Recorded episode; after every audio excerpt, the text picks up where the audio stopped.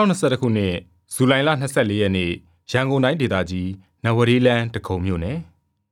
အဖြူရောင်ဗျိုင်းအောင်ငှက်တကောင်ဟာမြို့ကောင်းကင်ရံမောကနေပြန်တန်းသွားနေပါတယ်။ကိုယ်ဝိုက်စီစဉ်နေသောရန်ကုန်မြို့ကြီးကရေပြင်မှာနေအောင်ထင်ဟပ်နေပါတယ်။အဝေးရရွှေတကုံစီရီကြီးကမွန်းတဲ့ချိန်နေရအောက်မှာရွှေရောင်တစ်ဖိတ်ဖိတ်တောက်နေပါတယ်။တောင်ပန်ဖြန့်ကလေပေါ်မှာပြန်ဝဲနေတဲ့ငှက်ကြီးရဲ့အရေးကတက်တန်းကြရင်ပြီဖြစ်တဲ့ရန်ကုန်မြို့တော်ခမ်းမနဲ့ မဟာဗန္ဓုလပန်းချံမြက်ခင်းပြင်ပေါ်ကြာရောက်နေပြီးစိတ်မေရီဖျားရှိခိုးကြောင်ဤငွေရောင်ရှော့တိုက်ပေါ်ကနေတိတ်တဆိတ်ဖြတ်သွားခဲ့ပါတယ်။ခြောက်ကန်နေတဲ့လမ်းမတွေကိုပူပြင်းတဲ့နေရောင်များကြာရောက်နေပြီးဟိုရခင်လိုလူသွားလူလာမစီကားတော့ပဲလမ်းမတန်းရှိဈေးဆိုင်အများစုဟာလည်းစိုင်ပိတ်ထားကြပါတယ်။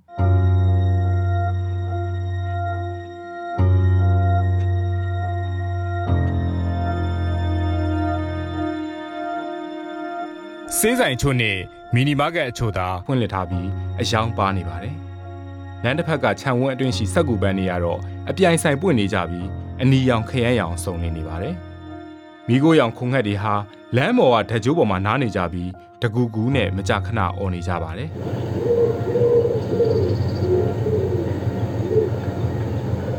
လမ်းမပေါ်မှာလူအရေးအယောင်မတွေ့ရတော့လောက်ပါပဲ။ ပိန်လှီပြီးသပင်ဖြူဖွင်းနေသောရက်ွက်အုပ်ချုပ်ရေးမှူးဦးလေးကြီးဟာချွေးဆိုရေးဝါညစ်နေသောအတွင်းငံစွတ်ကြံတဲ့ခက်ကြည်ကြည်လုံကြီးပစိုးကိုဝတ်ထားပြီးလက်မလည်းခါလောင်တီးနေကနှုတ်ကလည်းအတက်နိုင်ဆုံးအပြင်ကိုမထွက်ကြပါနဲ့အပြင်ထွက်ရင်နှာခေါင်းစီးတက်ပေးပါလို့អော်နေရင်လမ်းတစ်ပြေးကတိုက်အဆောက်ဦးရဲ့အရေးအောက်ကနေပင်ပန်းနွမ်းနယ်စာရှောက်နှမ်းနေပါတယ်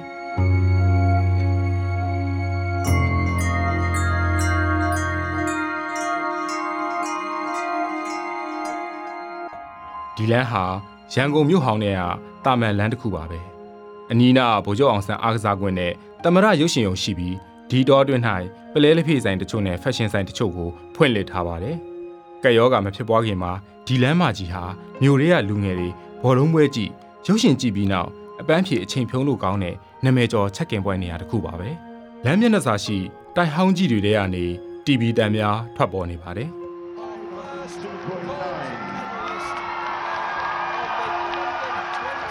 Your silver medalist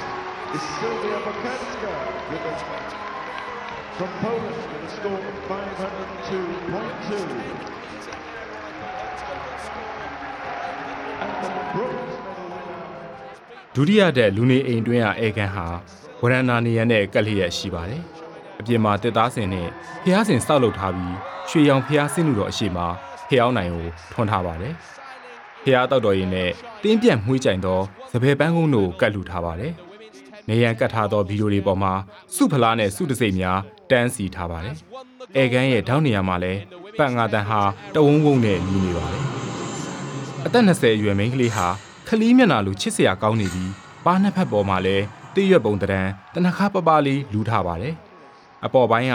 အဖြူရောင်တီရှပ်အင်ကြီးပွပွကိုဝတ်ထားပြီးအောက်မှာတော့ ဗမာစတိုင်ထမိန်စကတ်ကိုဝတ်ထားပါတယ်။ဘိုက်ကလေးအနေငယ်ပူနေပြီးအေခန်းထဲကကျမ်းမြေပေါ်မှာခြေပလာနဲ့ထိုင်နေပြီးတော့ TV ဖန်သားပြင်ကိုအာယုံစူးစိုက်စွာကြည့်နေပါတယ်။နေရန်ပေါ်မှာဓာတ်ပုံပေါင်းများချိတ်ဆွဲထားပြီးအလဲတက်တဲ့မှာ၄ယောက်တွဲဓာတ်ပုံတစ်ပုံချိတ်ဆွဲထားပါတယ်။ဓာတ်ပုံတွေကလူ၄ယောက်လုံးဟာအားကစားဝတ်စုံကိုဝတ်ဆင်ထားပါတယ်။ခန္ဓာကိုယ်တောင့်တောင့်နဲ့ဖြူစင်ရိုးသားသောရုပ်ရည်ရှိတဲ့ဗမာယောက်ျားလေးတစ်ယောက်နဲ့ရုပ်ချောပြီးချစ်စရာကောင်းသောဗမာမိန်းကလေးတစ်ယောက်ဟာ နီးပြလို့ထင်ရသောလူလက်ပိုင်းအမျိုးသမီးနဲ့အမျိုးသားတဦးကိုပခုံးဖတ်ထားကြပါတယ်။ကောင်လေးနဲ့ကောင်မလေးရဲ့အားကစားဝတ်စုံပေါ်မှာဝါစိမ့်ညီတောင်းအောင်ဆက်ထားသောမြန်မာနိုင်ငံအလံပုံရှိနေပါတယ်။လူလက်ပိုင်းအမျိုးသမီးနဲ့အမျိုးသားရဲ့အားကစားဝတ်စုံအပေါ်မှာအနီရောင်ကျဲငါးပွင့်အလံပုံရှိနေပြီးသူတို့အားလုံးဟာဝမ်းသာသောအမှုရာနဲ့ပြုံးရည်ထားကြပါတယ်။နောက်ထပ်ဓာတ်ပုံပေါင်းထဲမှာတော့အိုင်ဒီယာကောင်းလာတဲ့မင်္ဂလာဓာတ်ပုံတစ်ပုံဖြစ်ပါတယ်။ဓာတ်ပုံတွေကသူတို့သားသူတို့သမီးဟာ အရွယ်ရောက်လာတဲ့အားကစားသမားနှစ်ယောက်ဆိုတာမြင်နာနဲ့သိနိုင်ပါတယ်။သူတို့နှစ်ယောက်အနောက်တိုင်းမင်္ဂလာဝတ်စုံကိုဝတ်ဆင်ထားကြပြီးတယောက်နဲ့တယောက်ကြောချင်းကပ်ခါကင်မရာဘက်သို့မျက်နှာလှည့်ပြီးကြည်နူးစွာပြုံးရည်နေပါတယ်။သူတို့သမီးကအဖြူရောင်သူတို့သမီးဝတ်စုံကိုဝတ်ဆင်ထားပြီးတထောင်စစ်အောက်ရောက်နေတဲ့ဇာဖြူလက်အိတ်ကိုဝတ်ထားပါတယ်။ဒါပေမဲ့လူတွေရဲ့အမြင်အာရုံဖန်ဆနိုင်တာကရင်ဘတ်ထဲမှာပိုက်ထားသောပြိုင်ပွဲသုံးလေတနက်ရိုင်ဖယ်ပဲဖြစ်ပါတယ်။ TV ဖန်သားပြင်ပေါ်မှာတိုကျိုအိုလံပစ်အားကစားပွဲတော်ကအမျိုးသမီး10မီတာရိုင်ဖယ်တနက်ပြပြိုင်ပွဲဖိုင်နယ်အဆင့်ကိုဓာတ်ရိုက်ထုတ်လွှင့်နေပါတယ်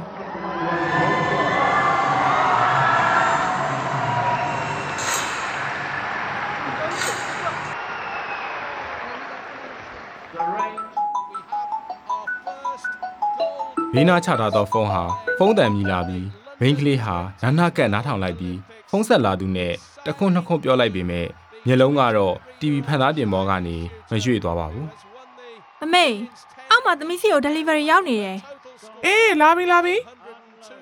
အသက်60ကျော်အရွယ်အမျိုးသမီးကြီးကဆက်ပြဘူးပေါင်းနေပေးချန်နေသောလက်ကိုတုပ်လိုက်ရင်မိဖို့ကြောင့်ထဲကနေထွက်လာခဲ့ပါတယ်တိုးတိုးနေရတော့လေပြောစကားကိုနားမထောင်ဘူးမနေ့အိမ်ကနိုးကလေးကတီးပြီးပဲငန်းနေတယ်ဆရာဝန်မှာထားတာကိုနင်မေ့သွားပြီလားများများလှုပ်ရှားပေးရမယ်တဲ့ ဒါမှကလေးမွေးတဲ့အခါရှော့ရှော့ရှူရှူမွေးနိုင်မှာပေါ့ဟဲ့တူတူကသူ့အမေကိုလှည့်ကြည့်ပြီးပြောင်းချောချောအမူအရာလုပ်ရင်းပြောလာပါတယ်သိပါတယ်အမေရဲ့အဲ့ဒါဆိုသမီးဘာသာအောက်ဆင်းယူလိုက်ရမှာလားအမျိုးသမီးကြီးကရဲမောရင်တကားရှိရာသို့ရှောက်လာကသမီးရဲ့ပခုံးကိုတတလေးရိုက်လိုက်ပါတယ်တော်ပါပြီဟဲ့ငါမြင်းမလေးတစ်ခုခုဖြစ်သွားမှာတော့ငါကြောက်တယ်ဟဲ့ တူတူက over ID နဲ့တစ်ချက်អော်လိုက်ပြီးအနှဲငယ်ဖောင်းနေသောဝမ်ဘိုက်ကိုလက်နှစ်ဖက်ကပုတ်တက်လိုက်ပါတယ်အမေဖြည်းဖြည်းဆင်းအောင်နော်နှာခေါင်းစီးလဲတက်သွားအောင်ဒါပဲဒါပဲဒီမှာနောက်ဆုံးတစ်ချက်ပြစ်နေတော့မယ်ပျော့ပျော့ဆူဆူနဲ့ TV remote ကိုမြင်မြန်ယူလိုက်ပြီးအတန်ထက်ကျဲလိုက်ပါတယ် our first gold medalist then of the Olympics. It's Sailing E, the 23-year-old Chinese shooter who has won the women's 10 meter air rifle. Her total score 502.9. She's beaten Sylvia Boccaccio. TV remote ကိုရင်ဘက်ရှိမှလက်နှစ်ဖက်ပြေစုပ်ကင်ထားက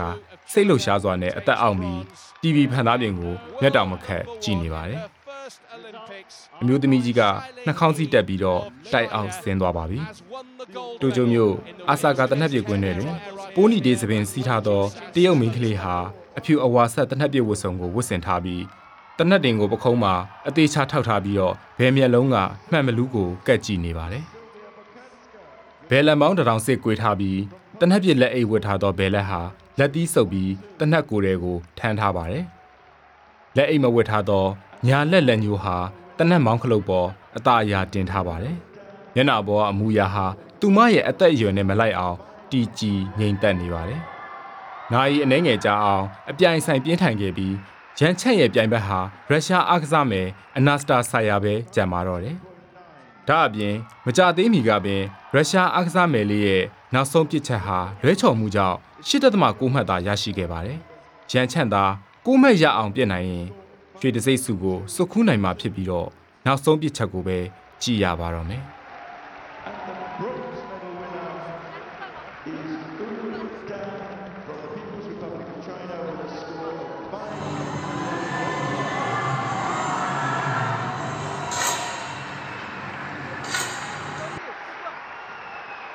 လူတို့ကရန်ချက်ထက်တောင်ပို့ပြီးစိတ်လှုပ်ရှားနေပါတယ်။အနားမယူခင်ကပြိုင်ပွဲဝင်ပြန်ရတယ်လို့ခန်းစားချက်များတရင်ငှအတွင်းပြန်ခန်းစားလာရပါတယ်။အချိန်တွေနောက်ပြန်လဲသွားသလိုကွင်းထဲမှာရက်နေတာဟာမိမိဖြစ်နေပြီးလေးလံတောင့်တင်သောတနက်ပြည့်ဝတ်စုံကခန္ဓာကိုယ်ကိုတင်းတင်းကြပ်ကြပ်စီးထားသလိုခန်းစားလိုက်ရပါတယ်။ချွေးရည်တွေဟာစမ်းရည်လိုတသင်သင်စီးပြီးလေပင်အနောက်ကအင်ကြီးတဲ့သို့အဆက်မပြတ်စီးကြနေပါတယ်။ဒါပေမဲ့ တကူလုံးစိတ်အာရုံတွေက10မီတာပြင်မကအကျွေစိတ်အရေသာရှိတဲ့ပြစ်မှတ်ပေါ်မှာစုစည်းထားပါတယ်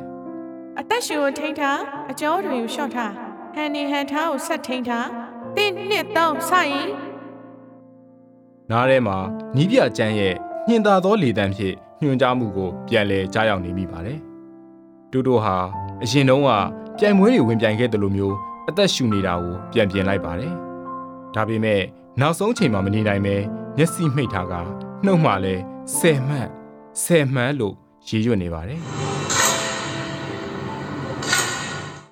TV ထဲကတနက်ပြစ်တန်ကိုကြားလိုက်ရချိန်မှာသူမရဲ့ညာလက်ညှိုးကလည်းမတိမတာလိုက်လှုပ်သွားပြီးတော့မှမျက်လုံးဖွင့်ကြည့်လိုက်ပါတယ် In the women's 10 meter air rifles here at ။ဂျန်ချန်ဟာအလွဲမှမရှိ9.8မှတ်ရရှိသွားပြီးစုစုပေါင်းရမှတ်251.8မှတ်ဖြင့်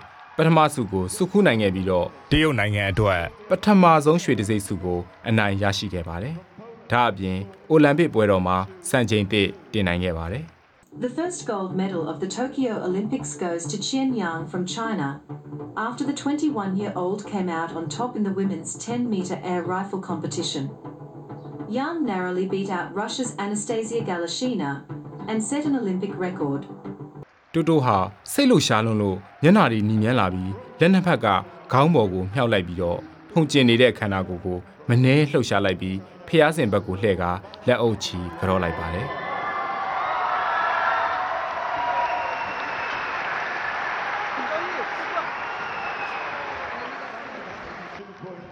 တရုတ်တင်နိုင်တော့တယ်မဟုတ်လား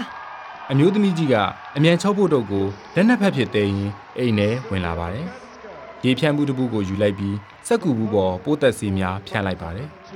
သမီးဖြစ်သူရဲ့အမူအရာကိုကြည့်ရုံနဲ့ပြိုင်ပွဲရလဒ်ကိုသူသိနေပါတယ်ကဲရော့နင်းတရုတ်ဆီယာမနင်းစီပါပစ္စည်းကောင်းနေပို့လိုက်တယ်လေဆိုတာကြည့်ကြည့်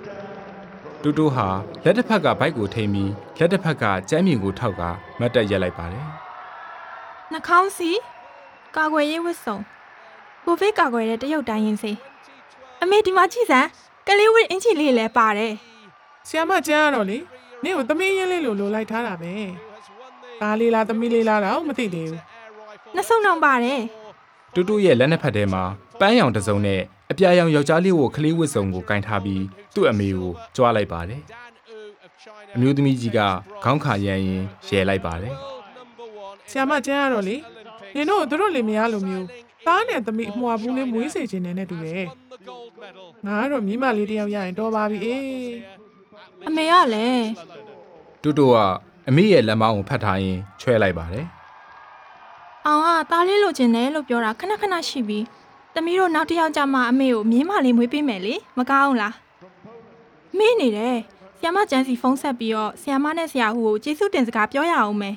တရုတ်နိုင်ငံအတင်းရွှေတစိမ့်စုရသွားတာဝမ်းသာကြောင်းလည်းပြောရမယ်ဖုန်းကင်ထားရုံရှိသေးဖုန်းတန်ကမြည်လာပါတယ်အောင်ဖုန်းဆက်လာတာပါ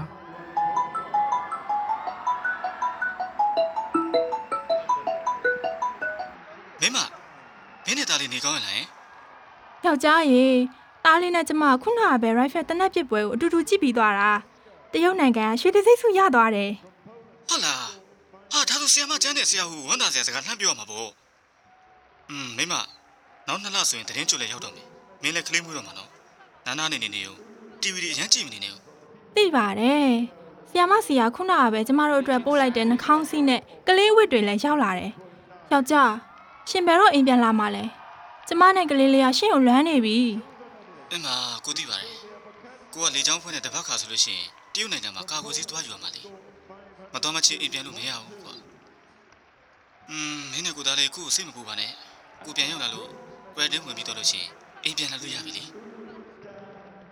ရှင်ကတော့အမေနဲ့တလေတည်းပဲ။ကလေးကကျမဘိုက်ထဲမှာပဲရှိသေးတယ်။ရှင်တို့ကတားလေးလားသမီးလေးလားဆိုတာဘယ်လိုလုပ်သိမှာလဲ တူတူဟာလေးယောက်တွဲတဲ့ပုံကိုခေါင်းမော်ကြည့်လိုက်ပြီးပြောလိုက်ပါတယ်။တားလေးမွေးခဲ့ရင်တားလေးကိုဆရာဦးစီမှာအလေးမတင်ကိုင်းမယ်။သူ့ဖေဖေလို့ပေါ့။သမီးလေးမွေးရင်ဆရာမကျန်းစီမှာတနက်ပြစ်တင်ကိုင်းမယ်။သူ့မမေလို့ပေါ့။မကောင်းဘူးလား။ကောင်းတာဗောမေမေနဲ့တူတာပိုကောင်းတာဗောမေမေကချန်ပီယံလေ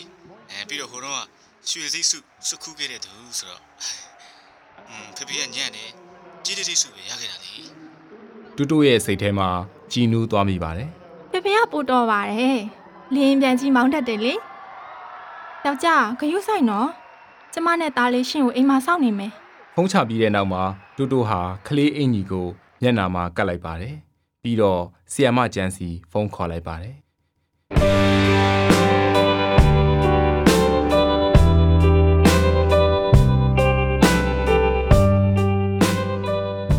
ဒီဇလန်ကိုရေးသားသူကတော့ဝင်းဆန္ဒဖြစ်ပါတယ်ရှင်။